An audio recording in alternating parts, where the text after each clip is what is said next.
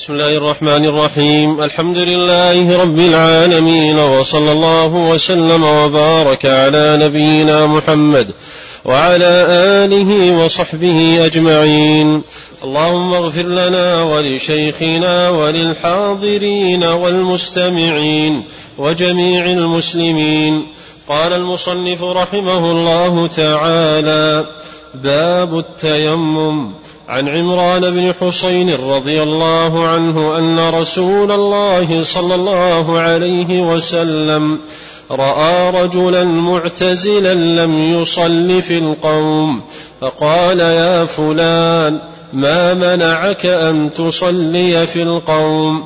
فقال يا رسول الله أصابتني جنابة ولا ماء فقال عليك بالصعيد فإنه يكفيك. وعن عمار بن ياسر رضي الله عنه قال بعثني النبي صلى الله عليه وسلم في حاجة فأجنبت فلم أجد الماء فتمرغت في الصعيد كما تتمرغ الدابة. ثم أتيت النبي صلى الله عليه وسلم فذكرت ذلك له فقال إنما كان يكفيك أن تقول بيديك هكذا ثم ضرب بيديه الأرض ضربة واحدة ثم مسح الشمال على اليمين وظاهر كفيه ووجهه. بسم الله الرحمن الرحيم.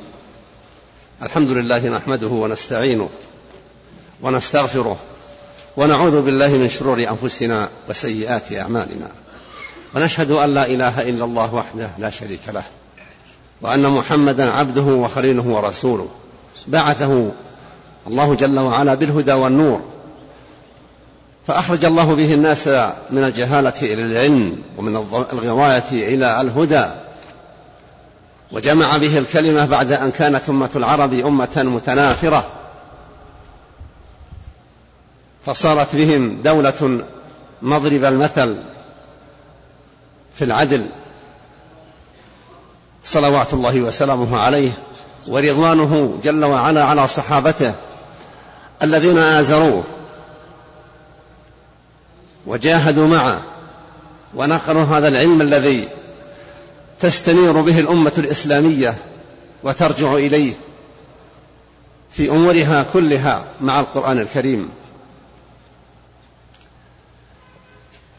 النبي صلى الله عليه وسلم أخبر أنه أعطي ما لم يعطى أحد من الأنبياء قبله. ومما أعطي صلى الله عليه وسلم أن الله جعل له ولأمته الأرض مسجدا وطهورا. كان الناس فيما كان قبلنا إنما يصلون في بيعهم وكنائسهم. وهذه الأمة وسع الله عليها. كانوا لا يتطهرون بالتراب. وإنما الاكتفاء بالتراب عند فقد الماء أو حصول مانع يمنع من استعماله. يقوم مقامه التراب. وهذا من رحمة الله بهذه الأمة. وتيسيره عليها جل وعلا في عباداتها وفي جميع أمورها. ومن عليها بأنها خير أمة أخرجت للناس. تأمر بالمعروف وتنهى عن المنكر وتطيع الله. هذا الرجل الصحابي رضي الله عنه لما صلى رسول الله صلى الله عليه وسلم وهو عليه أفضل الصلاة والتسليم يتفقد أحوال من حوله. إذا رأى ما لا يعتاده منهم استنكر ذلك عليهم. كما لما رأى رجلا لم يصلي مع الناس في صلاة الصبح فقال لما لم تصلي؟ قال صليت في رحلي. فأمر من صلى الفريضة في مكان وأتى إلى المسجد فأقيمت الصلاة وقد صلى فرضه وهو على طهارة. أمره أن يدخل معهم ويصلي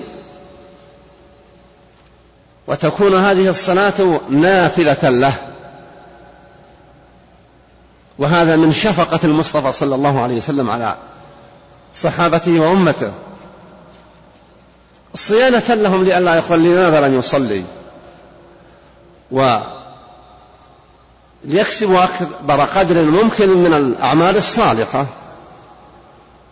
ولما رأى هذا الرجل لم يصلي قال ما لك لم تصلي مع الناس أو في الناس. قال أجنبت ولا ماء. قال عليك بالصعيد. وكون النبي صلى الله عليه وسلم لم يخبره في هذه الواقعة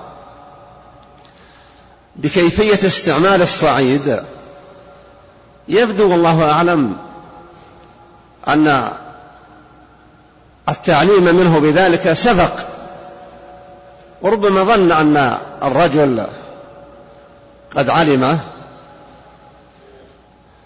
أو أنه قد علمه ونسي فقال عليك بالصعيد. والرجل ما قال كيف أصنع؟ فالنبي عليه الصلاة والسلام كما وصفه ربه جل وعلا بالمؤمنين رؤوف رحيم. قال عليك بالصعيد. وحديث عمار يبين الكيفية.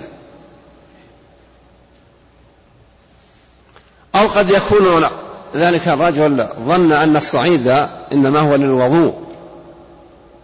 من فقد ماء للوضوء يكفيه أن يضرب بيده على الأرض. وحديث عمار رضي الله عنه ذكر أن النبي صلى الله عليه وسلم بعثه في حاجة فأجنب. صارت عليه جنابة. ولأنه علم أن التيمم يقوم مقام الاغتسال.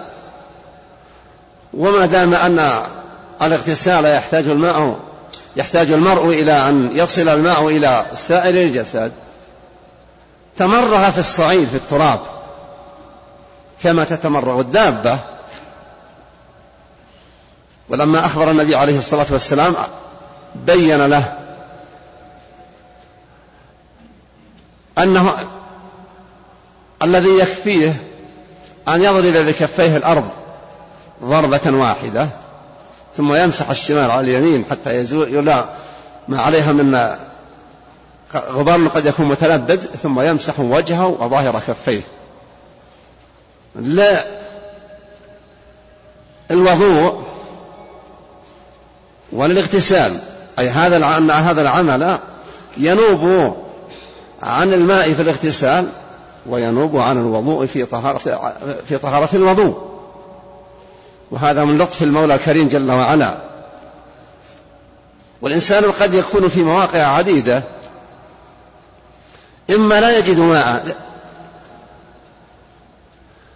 أو يكون قد قام به من المانع ما يمنعه من استعمال الماء. لمرض وغير ذلك أو في يوم شديد البرودة فلا يستطيع أن يجد ماء وكذلك في الاغتسال. فمن تيسير الله على هذه الأمة وإحسانه بهم جل وعلا إحسان عظيم أن جعل المسلم إذا أدركته الصلاة في أي موقع طهوره متيسر ومصلاه حاضر فالمسجد فالصلاة الأرض كلها مسجد وكلها طهور لمن فقد الطهور أو قام به المانع. وأنه في حال نيابة التراب في الاغتسال لا يحتاج إلى أن يوصل الغبار إلى سائر جسده. وإنما يكفيه الصفة التي وصفها صلى الله عليه وسلم. واختلف العلماء هل تكفي ضربة واحدة؟ أن يضرب بكفيه التراب. أو يحتاج إلى ضربتين. لا شك أن هذا الحديث دل على الاكتفاء بضربة واحدة. واختلف العلماء في الذي يجوز استعماله من التراب. هل جميع الأتربة؟ أو أنه الصعيد الطيب والمقصود بالطيبة؟ ليس ما تشتاقه الأعين وترتاح له النفوس وإنما الطيب هو التراب الطاهر. لأن الله لما ذكر ما أحله من المطاعم من الأنبياء والرسل والمؤمنين ذكر الطيب. وليس معناه الطيب الذي يكون في غاية اللذاذة والاستساغة وإنما هو الشيء المباح. وبالنسبة للتراب فهو فالتراب الطيب الصعيد الطيب هو الطاهر. فلا يصح التيمم بتراب النجس. اختلف العلماء. هل يتطيب هل لو لم يجد الإنسان ترابا آه، إلا صفى لا غبار عليه ينبغي أن يحرص الواحد على تحصيل التراب. وإذا لم يجد إلا صعيد صفا ولا شيء عنده سوى ذلك الصفا يرجع إلى المعنى الآخر. فإن الله يقول فاتقوا الله ما استطعتم. وربنا ما جعل علينا في الدين من حرج. ما أمكنه أن يختار فليختر التراب الطيب. الذي لا يؤذي ويكون صالحا للاستعمال. طاهرا يمكن استعماله. قد لا يجد الإنسان ترابا وقد يكون في موقف لا يمكن منه. كان يكون نسأل نسأل الله جل وعلا العافية للجميع. كان يكون مأسورا. سجينا في موضع لا تراب فيه. من تيسير الله على هذه الأمة أنها تفعل ما يمكنها من الأفعال في أداء عباداتها. ولذلك فيما يتعلق لما فرض الله علينا الصلاة قياما أخف جعل ذلك حسب الاستطاعة في فرائضنا. أن يصلي الإنسان قائما فإن لم يستطع فجالسا فإن لم يستطع فعلى جنب. يعني لا يترك الواجب الأول إلا في حال العجز عنه. فكذلك هذه الأمور المتعلقة بشرائط الصلاة. لا بد أن يكون الاغتسال بالماء فإن لم يجد التيمم فإذا تعذر عليه وجود وجود تراب للتيمم فعل ما يقدر عليه. ولا يكلف الله جل وعلا نفسا إلا وسعها. الصحابة رضي الله عنهم.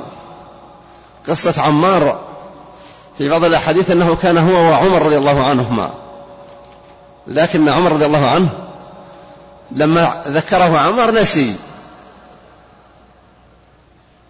وعمار رضي الله عنه صمم على لأن عمر لما أجند تمرغ. وعمر توقف حتى يلقى النبي صلى الله عليه وسلم. والصحابة رضوان الله عليهم في حياة النبي صلى الله عليه وسلم لهم اجتهادات. حديث أعطيت أوتيت خمسا لم يعطهن أحد قبلي. ذكر النبي صلى الله عليه وسلم أنه نصر بالرعب مسيرة شهر. يعني أينما توجه لقتال عدو يسبقه إلى أعدائه الخوف لمسافة شهر. وحلت لهذه الأمة الغنائم وكانت الأمم السابقة. إذا غنموا غنيمة جمعوها ثم تنزل نار من السماء فتأكل تلك الغنيمة.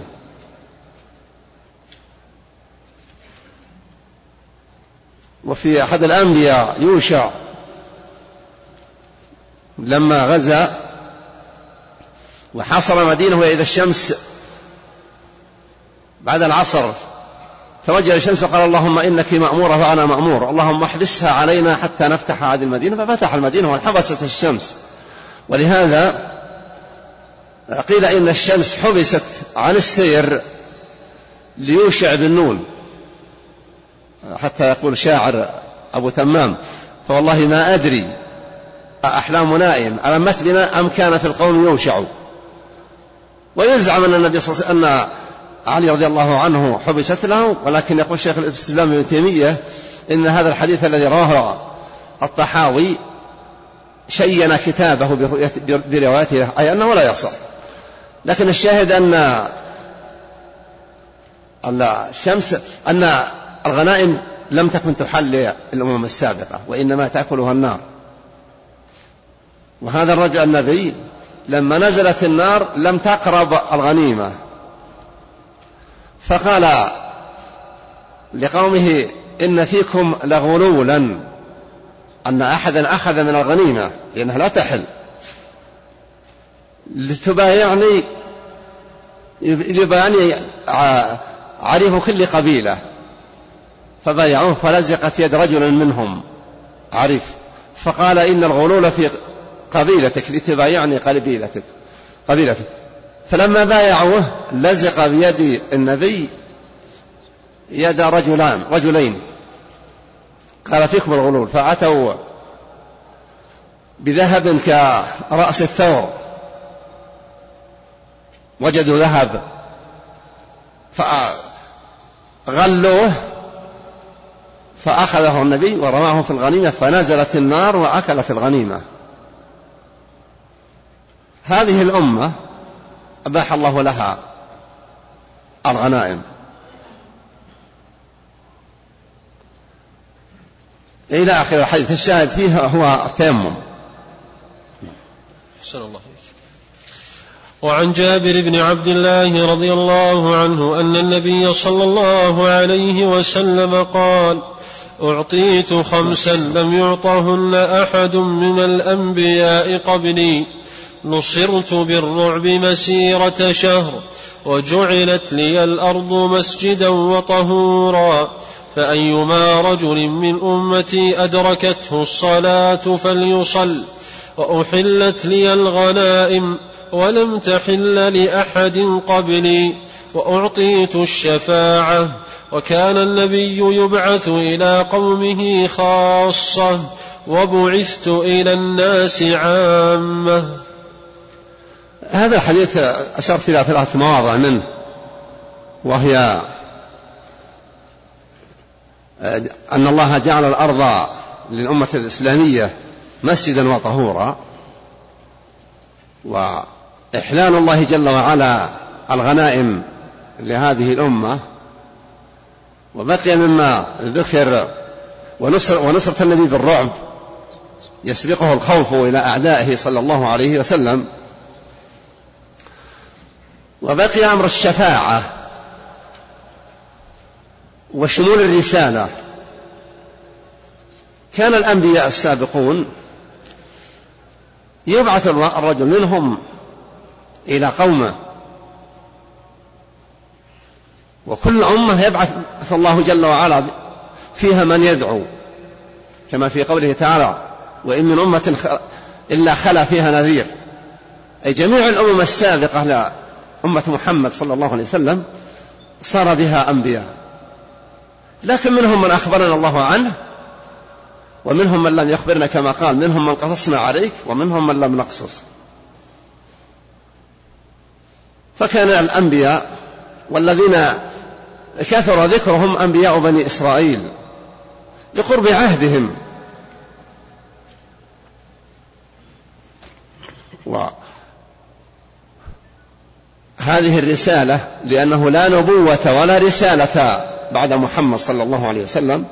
جعلها الله رسالة خاتمة وجعل الكتاب الذي أنزله الله على عبده محمد صلى الله عليه وسلم كتابا مهيمنا على ما سبقه. ولم تتعبد هذه الأمة بشيء من شرائع السابقين.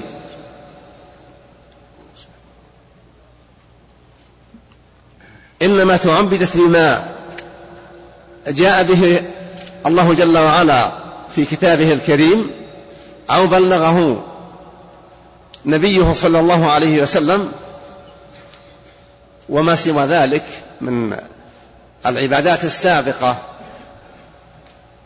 ما ذكرت وسكت عنها إن كان في ديننا أمر بالقيام بها فالاعتماد على ما في ديننا. وعامة كرائم الأعمال. هي داخلة في الرسالات لكن على تفاصيل فيها. فمثلا السجود لبني آدم كان في من كان قبلنا سائغا كما في قصة موسى على يوسف عليه السلام. وهذه الأمة لم يبح أن يسجد أحد من البشر لأحد من البشر. وإنما السجود عبادة خاصة لله جل وعلا هو المختص بها. وربما غير ذلك فمثلا الخمور كانت غير محرمة. وقد يكون السكر ممنوعا لكن مجرد الشراب قد لا يكون محرما. ولهذا كل ما كان ينافي كمال الإنسان أو يعرضه للتخبيط في عبادته أو غير ذلك جاءت هذه الشريعة العظيمة بإبعاده ولذلك رفعت الآثار عن هذه الأمة ويسر لها.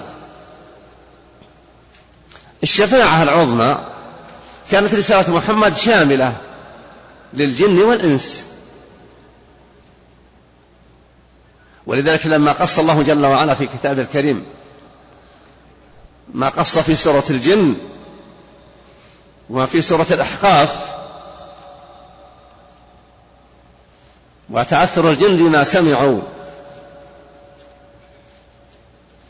ولقياهم أيضا النبي صلى الله عليه وسلم في بعض الأحاديث وأن منهم المؤمنين كما في حديث الطاعون. قال النبي واخذوا إخوانكم من الجن إلى غير ذلك. فكانت رسالة محمد صلى الله عليه وسلم شاملة للثقلين الجن والإنس. وأن من كان على دين قبل رسالة محمد لا ينفعه تدينه. فإن النبي صلى الله عليه وسلم أنه أخبر أنه ما من يهودي ولا نصراني يسمع بمحمد صلى الله عليه وسلم ثم لا يتبعه إلا كان من أهل النار. ومن باب أولى من يعبدون الأوثان. يعني لو بقي أحد يتعبد بدين النصرانية قبل أن يحرف أو بالتوراة لم ينفعه ذلك التدين بعد بعثة محمد صلى الله عليه وسلم. هذا مجمل ما يتعلق بهذا الحديث العظيم. أحسن الله قال المصنف رحمه الله تعالى باب الحيض. عن عائشة رضي الله عنها أن فاطمة بنت أبي, بنت أبي حبيش رضي الله عنها سألت النبي صلى الله عليه وسلم فقالت إني أستحاض فلا أطهر أفأدع الصلاة؟ قال لا إن ذلك عرق ولكن دع الصلاة قدر الأيام التي كنت تحيضين فيها ثم اغتسلي وصلي. وفي رواية وليست بالحيضة فإذا أقبلت الحيضة فاترك الصلاة فإذا ذهب قدرها فاغسلي عنك الدم وصلي.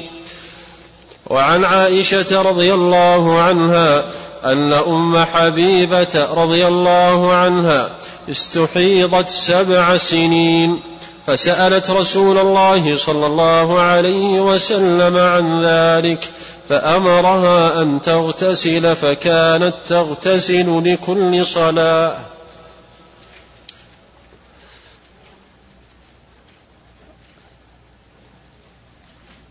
الله جل وعلا ذكر الحيض في كتابه الكريم. وأخبر ويسألونك عن المحيض. قل هو أذى فاعتزلوا النساء إلى آخره. والله جل وعلا حرم على الحائض بعض الأعمال العبادية أثناء حيضها. كالصلاة والصيام. ولم يحرم عليها بقية الأذكار والأعمال.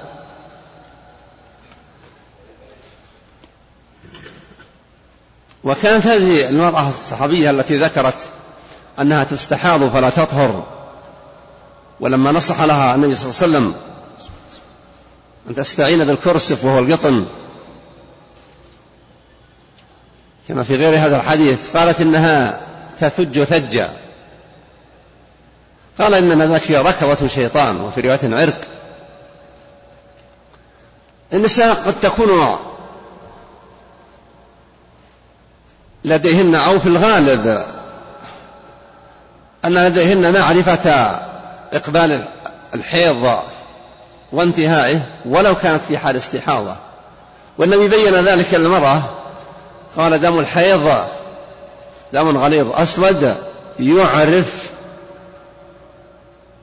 يعني يعرف يكون له عرف والعرف هو الرائحة وليس معناه يعرف بل يعرف. أي يكون له عرف فما كان له رائحة فهو دم الحيض. ودم الاستحاضة يكون أخف منه.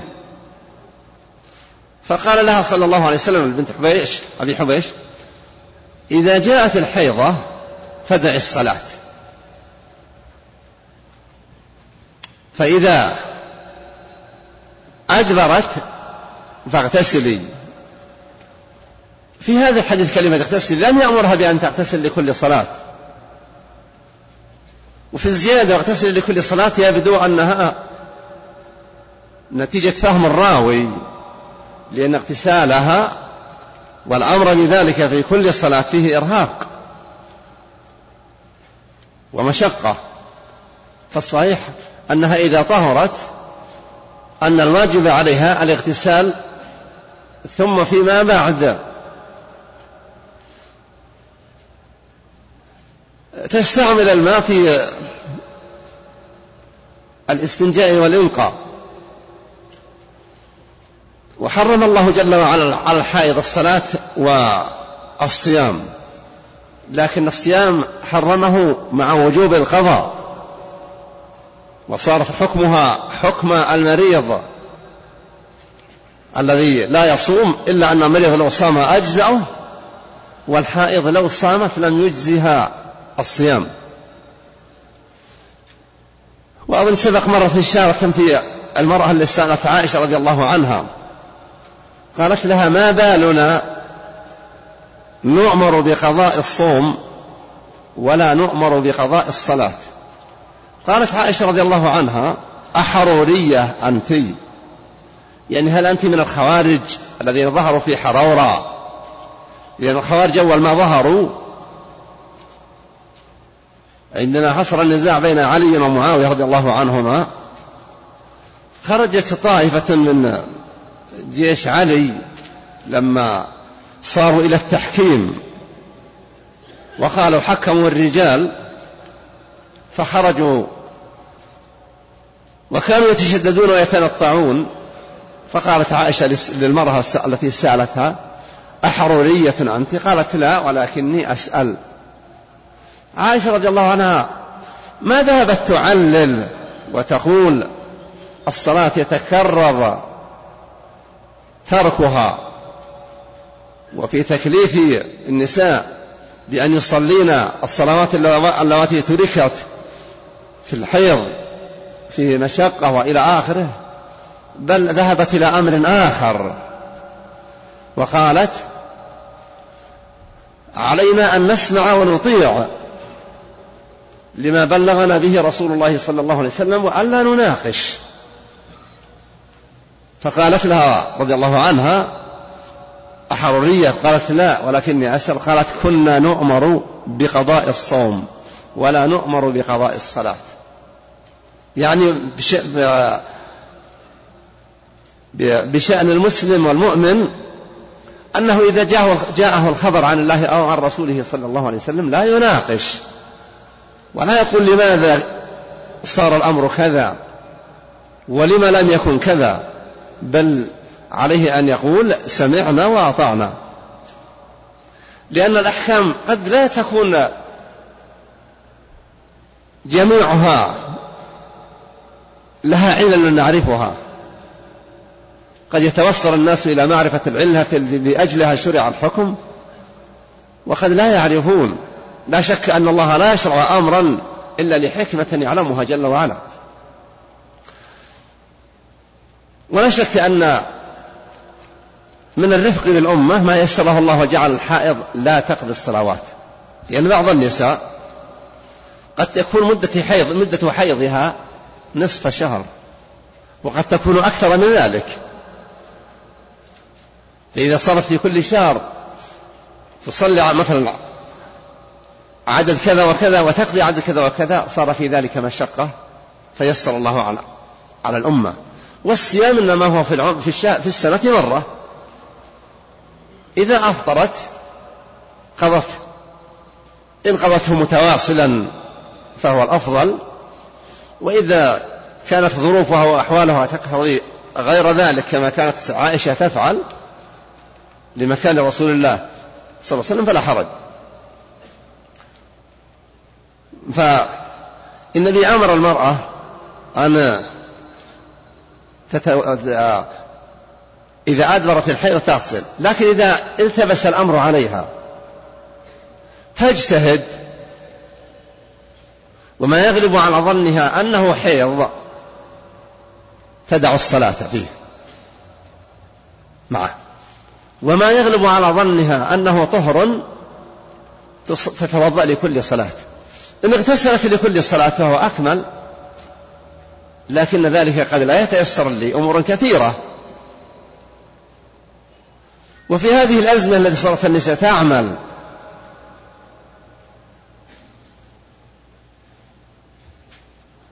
تلاقي لو صارت تريد أن تغتسل في كل صلاة اغتسال تلاقي عناء ومشقة والدين يسر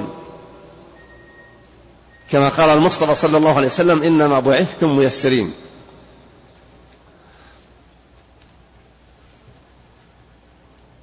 فيما يتعلق بهذه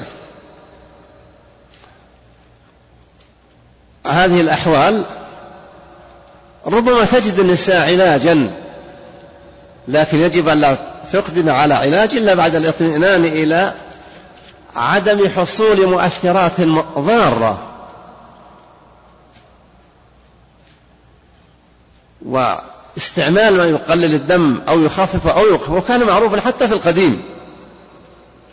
إلا أن ما كان في القديم كانت أخطاره أقل وما يستعمل في الزمن الحديث قد, قد تكون أخطاره أشد وأضر فالمؤمنة تعتني بطهارتها وتحرص على الأخذ بالأسباب المعينة على تلافي الأضرار.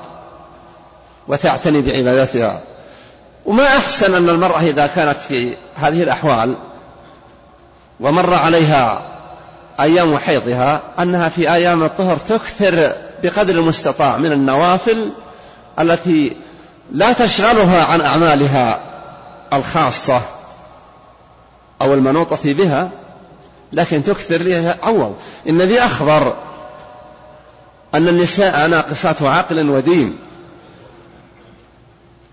وإن كان هذا الأمر أمرا مقدرا عليهن لكنه لما قال آه، قلنا له وما نقصان الدين؟ قال تمكث شطر الدهر لا تصلي. هي لا خيار لها في ذلك. لكن لأنها لم تكن تصلي كان ذلك نقصا فيها إلا أنه نقص لا تعاقب بسببه على هذا النقص إذ لا يد لها فيه. فيحسن بالمرأة في مثل هذه الأحوال أن تغتنم أيام طهارتها فتكثر من النوافل التي لا تشق عليها. أحسن الله إليك. وعن عائشة رضي الله عنها قالت كنت أغتسل أنا ورسول الله صلى الله عليه وسلم من إناء واحد كلانا جنب وكان يأمرني فأتزر فيباشرني وأنا حائض وكان يخرج إلي رأسه وهو معتكف فأغسله وأنا حائض. وعن عائشة رضي الله عنها قالت كان رسول الله صلى الله عليه وسلم يتكئ في حجري فيقرأ القرآن وأنا حائض. في هذه الأحاديث شيء مما يتعلق بما يجوز التعامل به مع المرأة الحائض الزوجة. كان الناس في الجاهلية واليهود أهل الكتاب كانوا لا يواكرون الحائض ولا يجتمعون بها في البيت. فأبطل الله جل وعلا ما كانوا عليه وأباح لهذه الأمة. وجاء نفر من الصحابة وقالوا للنبي صلى الله عليه وسلم لما قال اليهود في المدينة ما لهذا الرجل؟ يريد أن يخالفنا في كل شيء. وذكروا موضوع الحيض. فقال بعض الصحابة للنبي صلى الله عليه وسلم أفلا نجامعهن يا رسول الله؟ يعني لنمعن في مخالفة اليهود لكن ذلك لم يرضى به بل غضب صلى الله عليه وسلم ونهى عن هذا الأمر. تقول عائشة رضي الله عنها كنت أغتسل أنا والنبي صلى الله عليه وسلم من إناء واحد من الجنابة. لأن شرط في الحديث وإلا في ما يتعلق بالاغتسال يدخل في باب الجنابة والاغتسال منه. وتذكر هي في بعض روايات الأحاديث أنها ربما قالت أخر عني يعني أزل يدك عن موضع يدي لتقترف من الإناء. تقول وكان صلى الله عليه وسلم يأمرني فأتزر يعني يباح للزوج من زوجته الحائض أن يستمتع بها فيما دون الجماع. وتقول عائشة رضي الله عنها كما سمعنا وكذلك تقول أم سلمة مثل ذلك يأمرها فتتزر تجعل إزارا على وسطها. من السرة مثلا إلى الركبة ويستمتع بما سوى ذلك. وأم سلمة كانت معه في الفراش فشعرت بالحيض فانسلت من فراشها وخرجت و...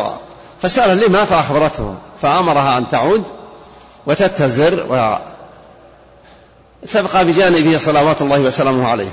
فتقول عائشة رضي الله عنها أنه كان يأمر يأمرها بأن تتزر ويباشرها والمباشرة هو أن يمس بشر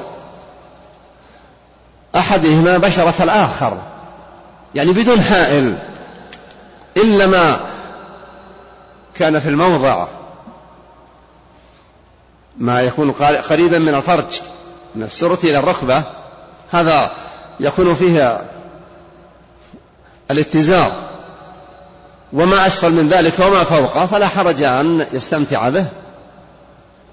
إذا وثق أنه لا يتعدى الحدود لأن عائشة لما ذكرت بعض ما ذكرت في غير هذا الحديث قالت عن سيد البشر صلى الله عليه وسلم وكان أملككم لإربه يعني أقدركم على نفسه.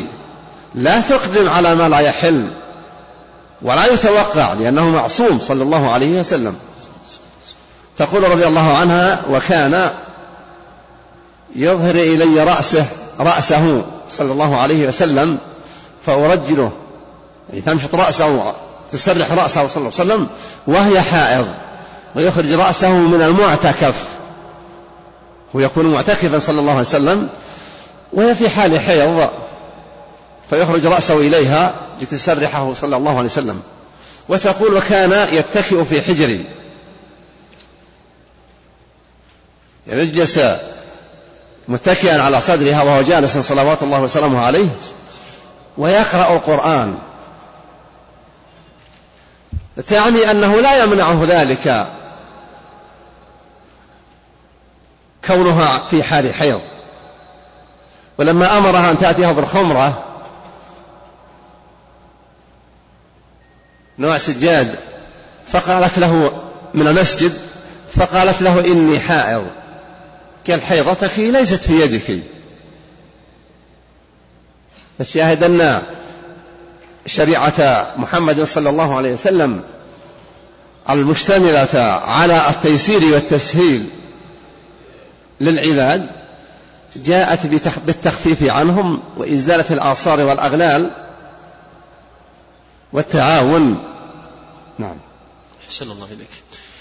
وعن معاذة قالت سألت عائشة رضي الله عنها فقلت ما بال الحائض تقضي الصوم ولا تقضي الصلاة؟ فقالت أحرورية أنت. فقلت لست بحرورية ولكني أسأل. فقالت كان يصيبنا ذلك فنؤمر بقضاء الصوم ولا نؤمر بقضاء الصلاة. هذا الحديث دخل في كلامي لأني لم أراجع. الحديث وكما كما تعرفون نحن درسنا عمدة الأحكام في معهد العلمي دراسة كان في وقتنا ما كانت هناك شواغل يندر أن يكون عند أحد راديو. فضلا عن ما سوى ذلك من الشواغل. فهذه معاذ رضي الله عنها سألت وهي من التابعين ليست من الصحابة. فأخبرتها عائشة استنكرت عليها هذا السؤال لأن الخوارج كانوا يتنطعون في أسئلتهم. والنبي أخبر صلى الله عليه وسلم أنهم يمرقون من الدين كما يمرق السهم من الرمية. والرمية هي الصيد الذي يرمى. والسهم إذا كان من قوس جيد وقوي والسهم معتمن به في تدريب. فإذا أطلقه الرامي من قوسه يمرق من الرمية فيجد الناظر إليه أي أثر لدم أو غيره. يعني يسبق أن يتعلق به شيء. الذي أخبر أن الخوارج يمرقون من الدين يعني لا يؤثر في سلوكهم وإيمانهم وتقويتهم كما يمرق السهم من الرمية. ولهذا كانوا يتشددون ويتنطعون ويستسلمون لعقولهم في معارضة الشرع. فقالت عائشة لهذه المرأة أحرورية أنت؟ وكما ذكرت أن أول ما وجد الخوارج عندما خرجوا على علي لأنهم في جيشه. وسبحان الله كانت الفرق الخوارج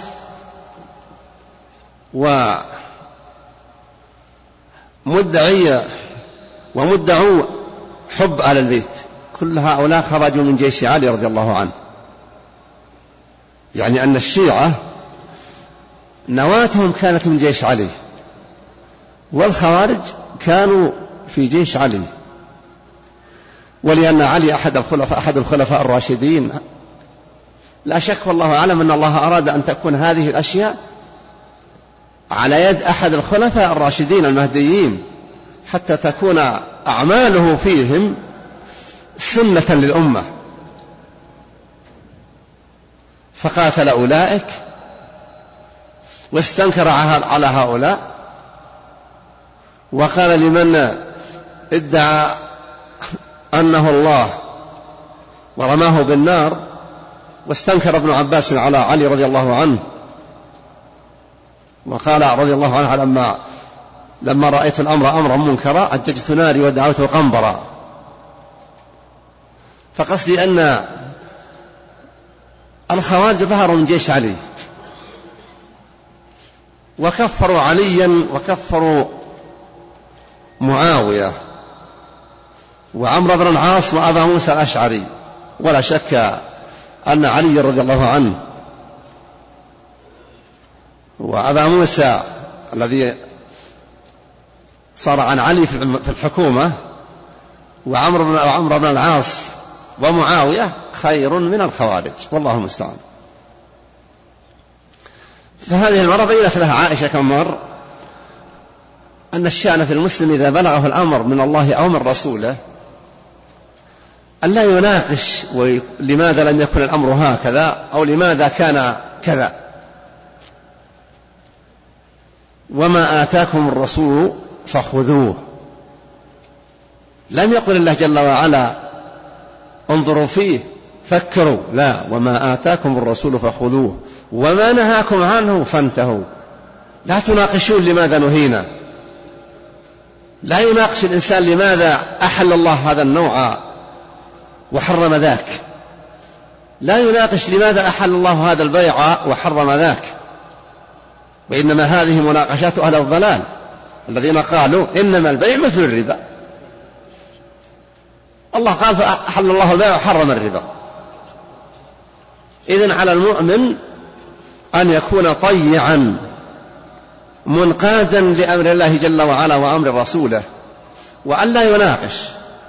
إن قدر أن يبين الحكمة بغير تكلف وأن لا يحمل النصوص من ادعاء الحكمة أو العلة ما لا تحتمل بأن كان الأمر ظاهرا فعل.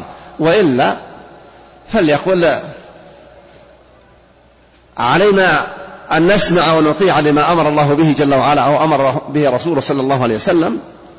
ولذلك شهادة أن محمد رسول الله طاعته فيما أمر.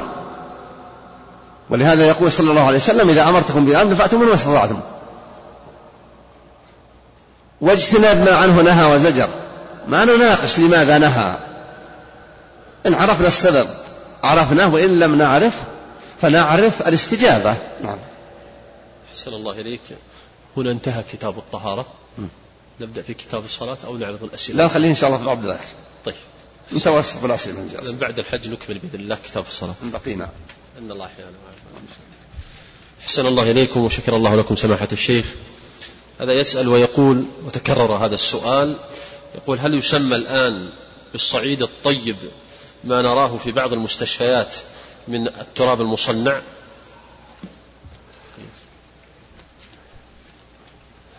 إن لم يكن ترابا وإنما كان مصنعا من غير التراب فهو لا يجزي.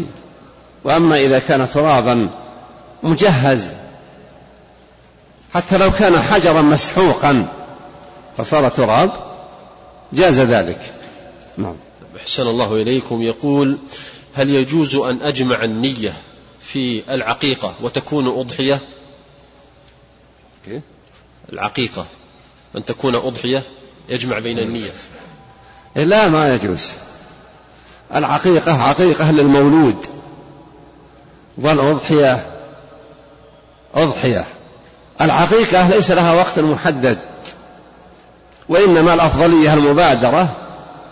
إذا سهل على من سوف يحق عن مولوده التقديم قدمها في يوم سابعة أو بعد ذلك. والأضحية لها الأيام المعروفة. فلا تجزي العقيقة أضحية. إلا أن الأضحية لها وضعها الخاص والعقيقة غالبة منها. يعني العقيقة ينبغي للإنسان من يعق عن مولوده والأفضل يعق عن الغلام عن الفتى شاتان ذبيحتان ويعق عن الجارية شاة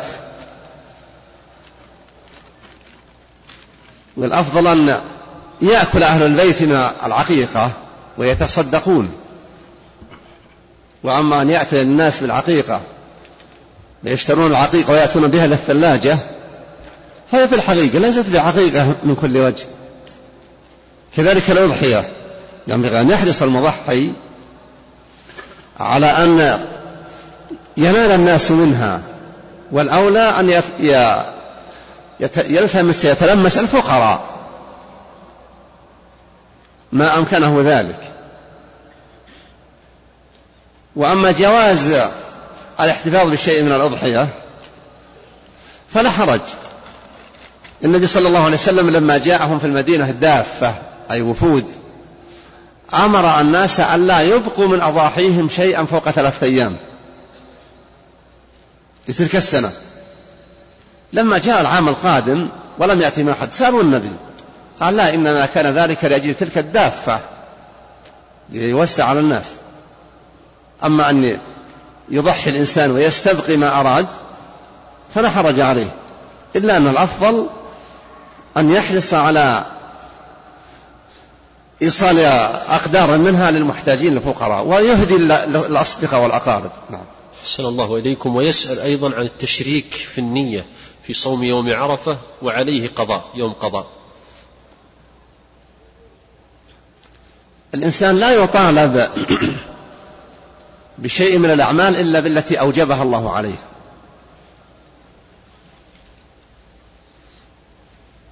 والحديث القدسي المخرج في الصحيح الذي يقول الله جل وعلا فيه وما تقرب إلي عبدي بشيء أحب إلي مما افترضته عليه. الإنسان الذي عليه قضاء ينبغي أن يبادر إلى أداء القضاء. وإذا بقي عنده وقت أو فذ بالمال شيء يتصدق. الله لا يطالب العباد مطالبة إلا بما فرضه عليهم. فلا يصح أن يجعل صيام يوم عرفة صيام قضاء وليوم عرفة. وكذلك صيام يوم عاشوراء ينبغي أن يحرص الواحد على إنهاء الصيام ما كان عليه من واجب من رمضان. أحسن الله إليكم. يسأل يقول هناك رجل وامرأة يريد يرغبون في الحج وليس عندهم مال فهل يجوز أن أعطيهم من زكاة مالي؟ إذا لم تجد فقيرا محتاجا للنفقة وبحثت ولم تجد جاز لأن الذي لا يجد مالا ينفقه على نفسه في الحج لا يجب عليه الحج لأنه غير مستطيع. وإذا أراد إنسان أن يحسن إلى الآخرين وأن يمكنهم من أداء الحج فليحسن إليه من ماله هو لا من أموال الفقراء. هذه الزكاة ينبغي للإنسان أن يعرف أنها ليست متروكة لحرية رأيه والتصرف فيها. فإن النبي صلى الله عليه وسلم قال لمعاذ لما بعثه إلى اليمن في حديث أمرت أن أخبرهم أدعوهم إلى شاة إلى آخر الحديث إلى أن قال ولما ذكر الزكاة قال وأخبرهم أن الله افترض عليهم صدقة تؤخذ من أغنيائهم فترد على فقرائهم. فالأصل في الزكاة أنها للفقراء. وبعض الناس يجود ويبذل زكاة ويجعلها كأنها أعمال خيرية منه. لا هذه هذه أموال الفقراء. إذا لم يجد فقراء يبحث عما يكون أقرب بأن يكون مصرفا من مصارف الزكاة. لو فرض أن إنسانا ما حج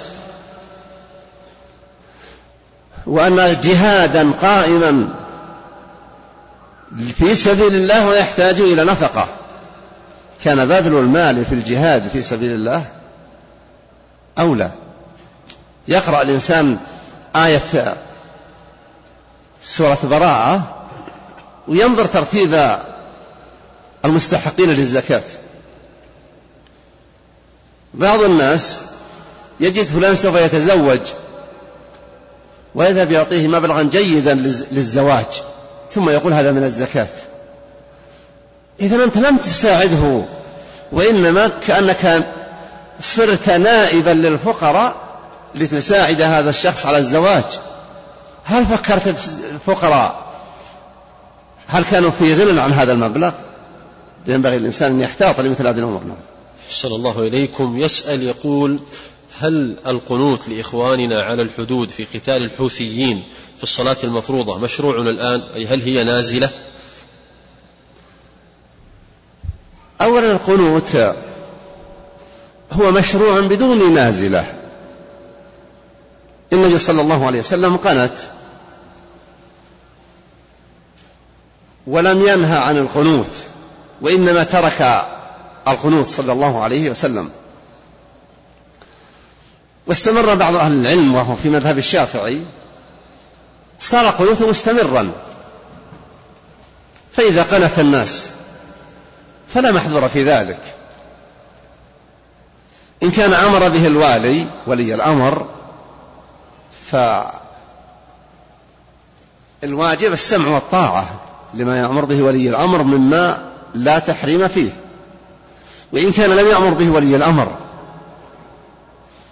وإنما استحسنه أهل العلم فينبغي للإنسان إذا وثق بالاستحسان أن يأخذ به. والدعاء في نصرة الحق وإذلال الباطل وقمع الاعتداء وصيانة الأمة من عدوان المعتدين من الأعمال التي يرجى برها وخيرها. أحسن الله إليكم. يسأل عن قاعدة شرع من قبلنا شرع لنا. هل هي قاعدة مضطردة؟ لا. إذا نقل عن شرع من قبلنا بش... آه... عن طريق شرعنا ولم ينهى عنه وإنما نقله لذكر ما فيه من خير فالأصل أن شرعنا بلغنا إياه. أما إذا لم يذكره شرعنا فلا نثق بما قيل فيه لأن آه، ثبوت ذلك العمل وثبوت النقل النقل له يكون مشكوكا به. فشرع من قبلنا إذا ذكره الله جل وعلا أو ذكره النبي صلى الله عليه وسلم. فالنبي صلى الله عليه وسلم لما ذكر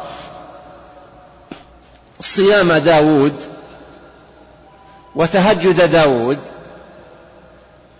ذكر أن أفضل التهجد تهجد داود.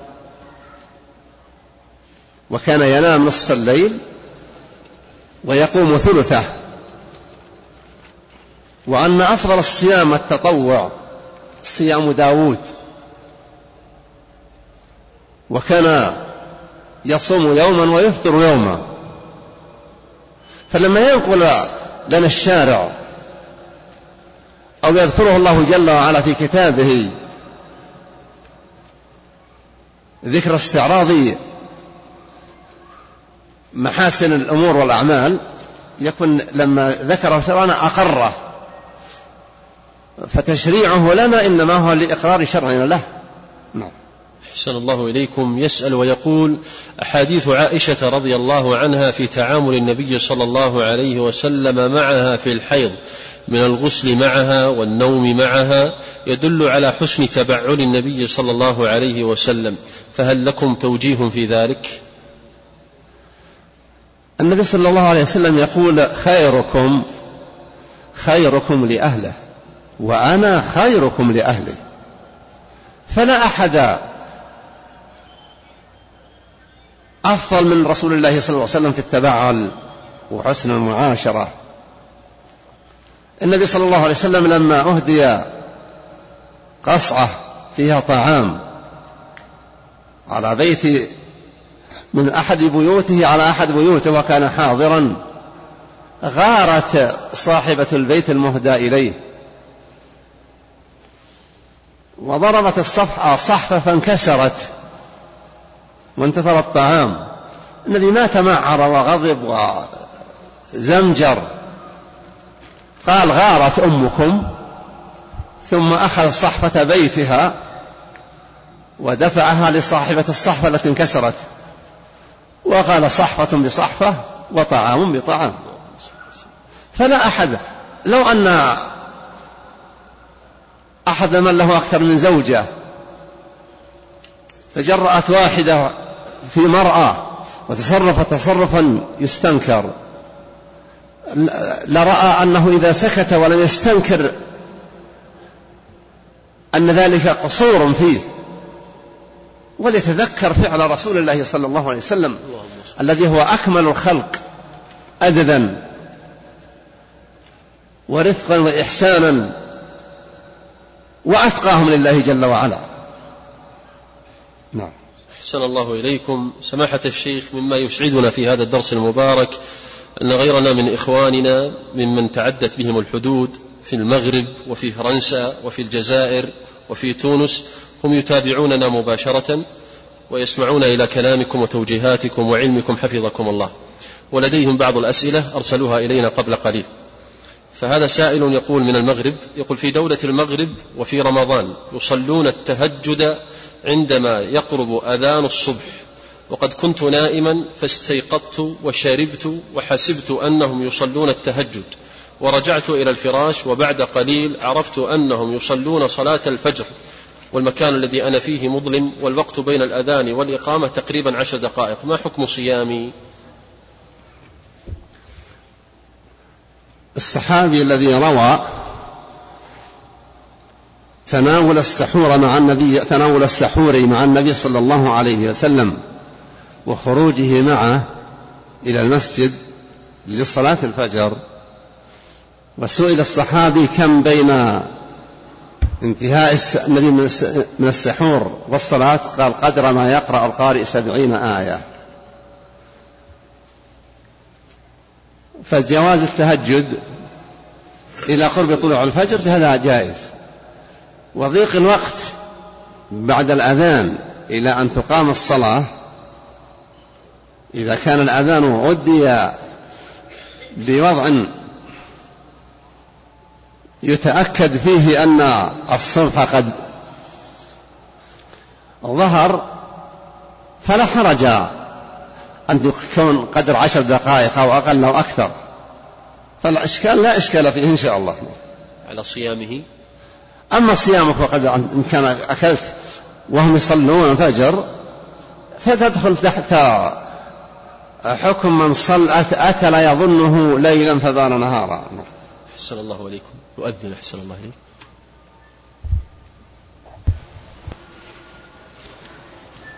الله الشعور أمر الله النبي صلى الله عليه وسلم بإزالتها.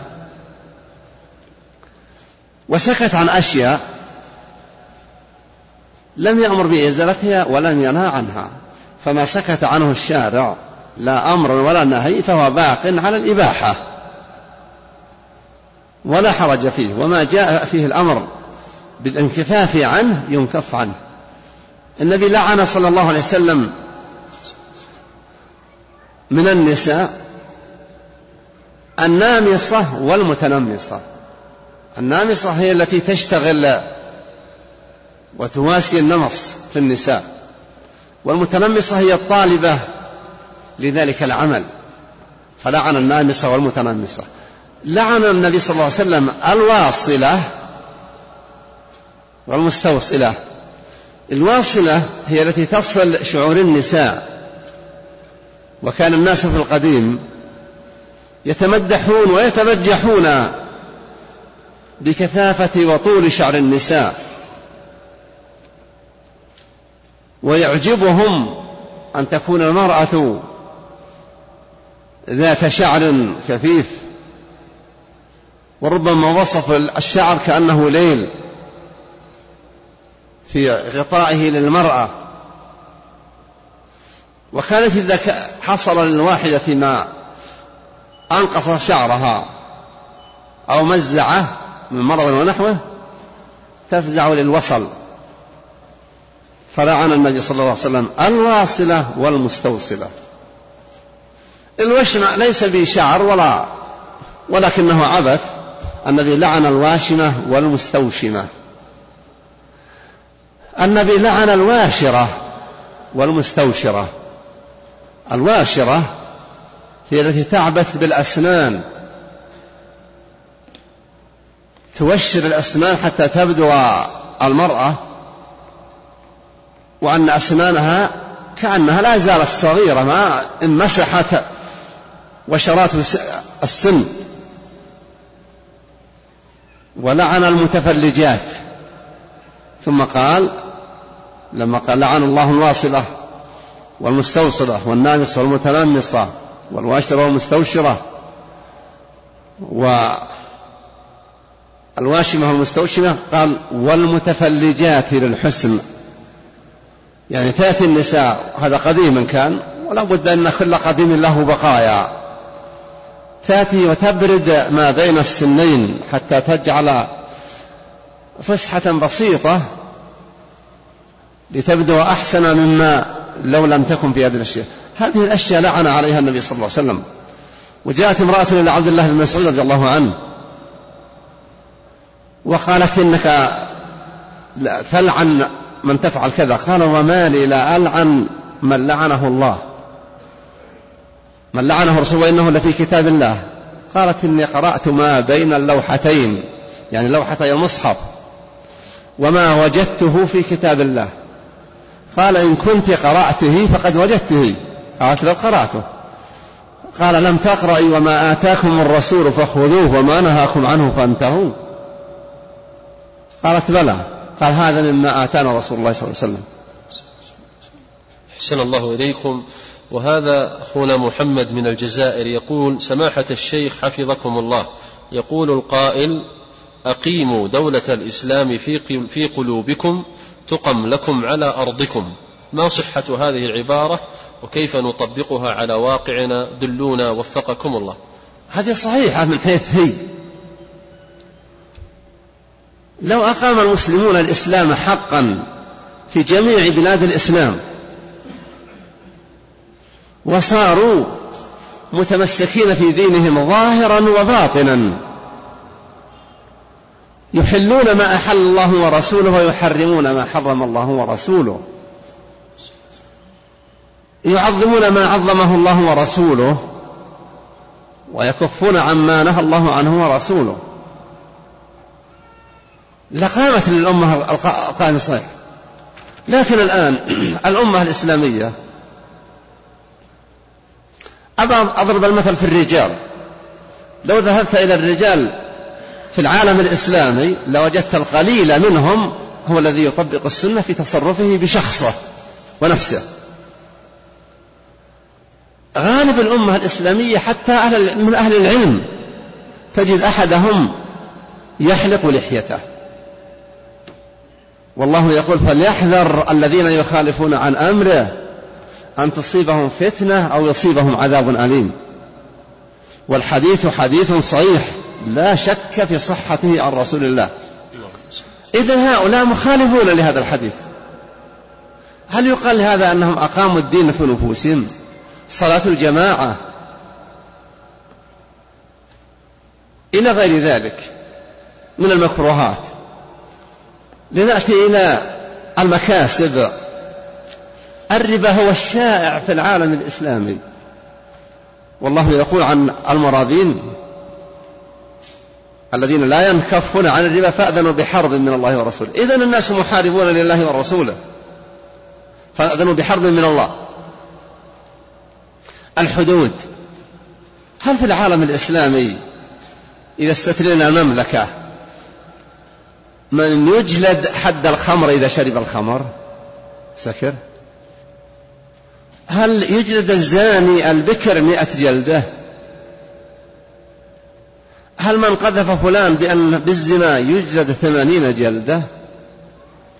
هل تقطع يد السارق إذا قامت أدلة, أدلة السرقة وانتفت الموانع من إقامة الحد؟ هل تقطع الأيدي؟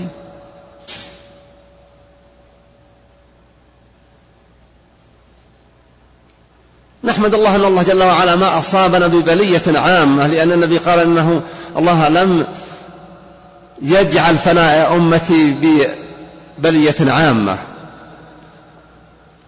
لو أقام المسلمون دينهم وحكموا كتاب ربهم وسنة نبيهم بصدق في سلوكياتهم فيما بينهم في نسائهم في أطفالهم. النبي يقول مروا أولادكم بالصلاة لسبع واضربوهم عليها لعشر انظر إلى عامة المساجد. كأن الناس ليس لهم أطفال قد تجاوزوا الخامسة عشرة من البنين. أمور مفزعة. والله المستعان. أحسن الله إليكم. سماحة الوالد هذا سائل قالوا له أبي جنيد. أبو جنيد من فرنسا. يقول السلام عليكم ورحمة الله وبركاته. ما حكم الذهاب إلى الطبيب لا لسبب أو مرض معين ولكن من أجل الكشف المبكر لمرض معروف ومنتشر كسرطان الثدي أجارنا الله وإياكم منه علما بأن المرأة تكشف عورتها في هذه الحالة. يعني هل يعتبر الكشف المبكر من الضرورة التي تسوغ تسوغ الإقدام على المحرمات؟ أما كشف المرأة عورتها أمام رجل فإنه لا يحل إلا في أقصى حدود الضرورة. تخشى أن تموت لو لم تعالج. الآن. وأما أن يفحص الإنسان خشية أن يكون ضعيف الدفع لهذا المرض المتوقع أو يخشى أن يكون بدأت فيه بوادر ذلك المرض العلاج لا حرج فيه يجوز. والتوكل على الله مطلوب. والنساء يجب أن لا تكشف المرأة عورتها حتى للمرأة إلا في حال الاضطرار. وفي حال الرجل لا يجوز إلا في حال الضرورة التي يخشى معها بالموت.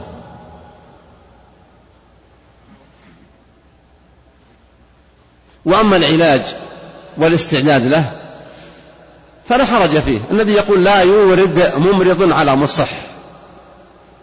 يعني الشخص الذي إبله فيها مرض لا يريدها على صاحب ابن صحاح.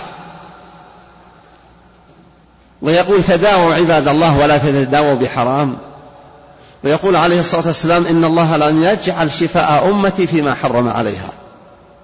يعني لما يؤتى بعلاج محرم ويقال لا يشفي هذا المرض إلا هذا العلاج. هذا كذب. ما فيه مرض لا يشفيه إلا شيء محرم. النبي أخبر أنه ما أنزل الله داء إلا أنزل له دواء. علمه من علم وجهله من جهله يعني ما يسمى بالإيدز وما يسمى بأنواع الأمراض. لا يوجد مرض في الدنيا يوجد إلا وله دواء في الدنيا. لهم قد لا يعلمون المرض. وقد لا يعلمون دواء ذلك المرض. وقد يعلمون ذلك المرض ويعلمون دواءه لكن لا يعرفون المقدار الكافي لجسم هذا والذي لا يكفي لجسم ذاك. والذي يكون زائدا على هذا وناقصا عن ذاك. ثم ما قضاه الله أن يكون لا يمنع منه دواء. واعلم أن ما أصابك لم يكن ليخطئك وما أخطأك لم يكن ليصيبك. أحسن الله إليكم. هذا سائل يقال له مالك من فرنسا. يقول السلام عليكم ورحمة الله وبركاته. هل يجوز لي أن أترجم كتابا إلى لغة أخرى ثم أطبع وأبيع هذا الكتاب المترجم دون إذن المؤلف؟ وما حكم هذا العمل إذا كان المؤلف ميتا؟ بارك الله فيكم ونفع بكم الإسلام والمسلمين. هو الآن ظهرت أمور يعتنى فيها بحفظ حقوق المؤلفين وحقوق الطابعين.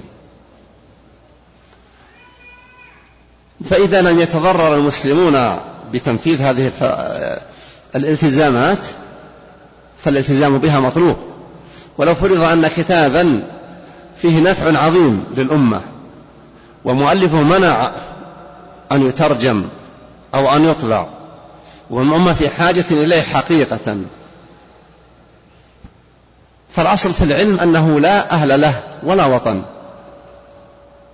لكن هذه تحتاج إلى ليس إلى فتوى وإنما إلى عرض المشكلة وذكر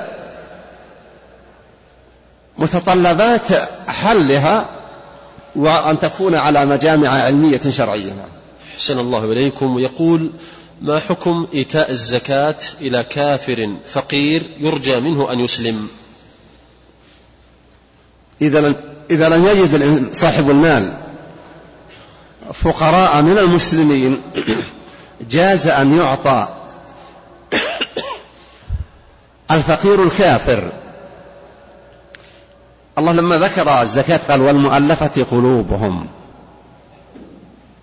تعليف الناس على الدين وجذبهم لحظيرة الحق أمر مطلوب. فإذا كان كافر فقير لا يجد من ينفق عليه. وأعطي من الزكاة ولم يوجد ناس ناس من أهلها أولى بها منه فلا حرج. أحسن الله إليكم. وأيضا يسأل وهو من فرنسا يقول هل يجوز لي أن أنفق شيء من أموالي إلى جمعية خيرية غير مسلمة ولكن موجودة وناشطة في البلدان الإسلامية كفلسطين مثلا؟ الأقربون أولى بالمعروف ينبغي أن تصطحب هذا معك. وكل إنسان ينبغي أن يصطحب معه الأقربون أولى بالمعروف. المسلمون أولى بأموالهم. فإذا وجدت أحوال تستدعي إعانة غيرهم جلبا من لمنافع متوقعة أو دفعا لمضار مخوفة فلكل ساعة لبوسها. أحسن الله إليكم. وهذا سائل من تونس يسأل ويقول هل يجوز أن نقيم الدروس العلمية قبل صلاة الجمعة؟ وجزاكم الله خيرا.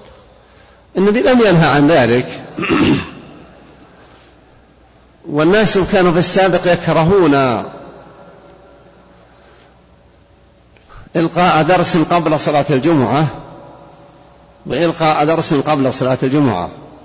لكن ذلك ليس لدليل قائم. وغاية ما هناك فإذا قضت الصلاة فانتشروا في الأرض يبتغوا من فضل الله. فإذا وجد أن الناس يجتمعون يوم الجمعة ويحصل من اجتماعهم استفادة أكثر فلا حرج في من ذلك.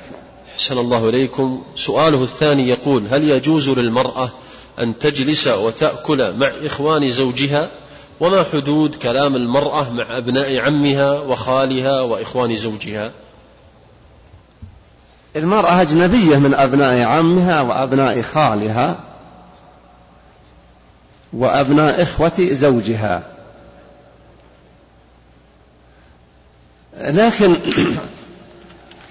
الاجتماع الذي ليس فيه خلوة مع التزام الحشمة والأخذ بجانب الحجاب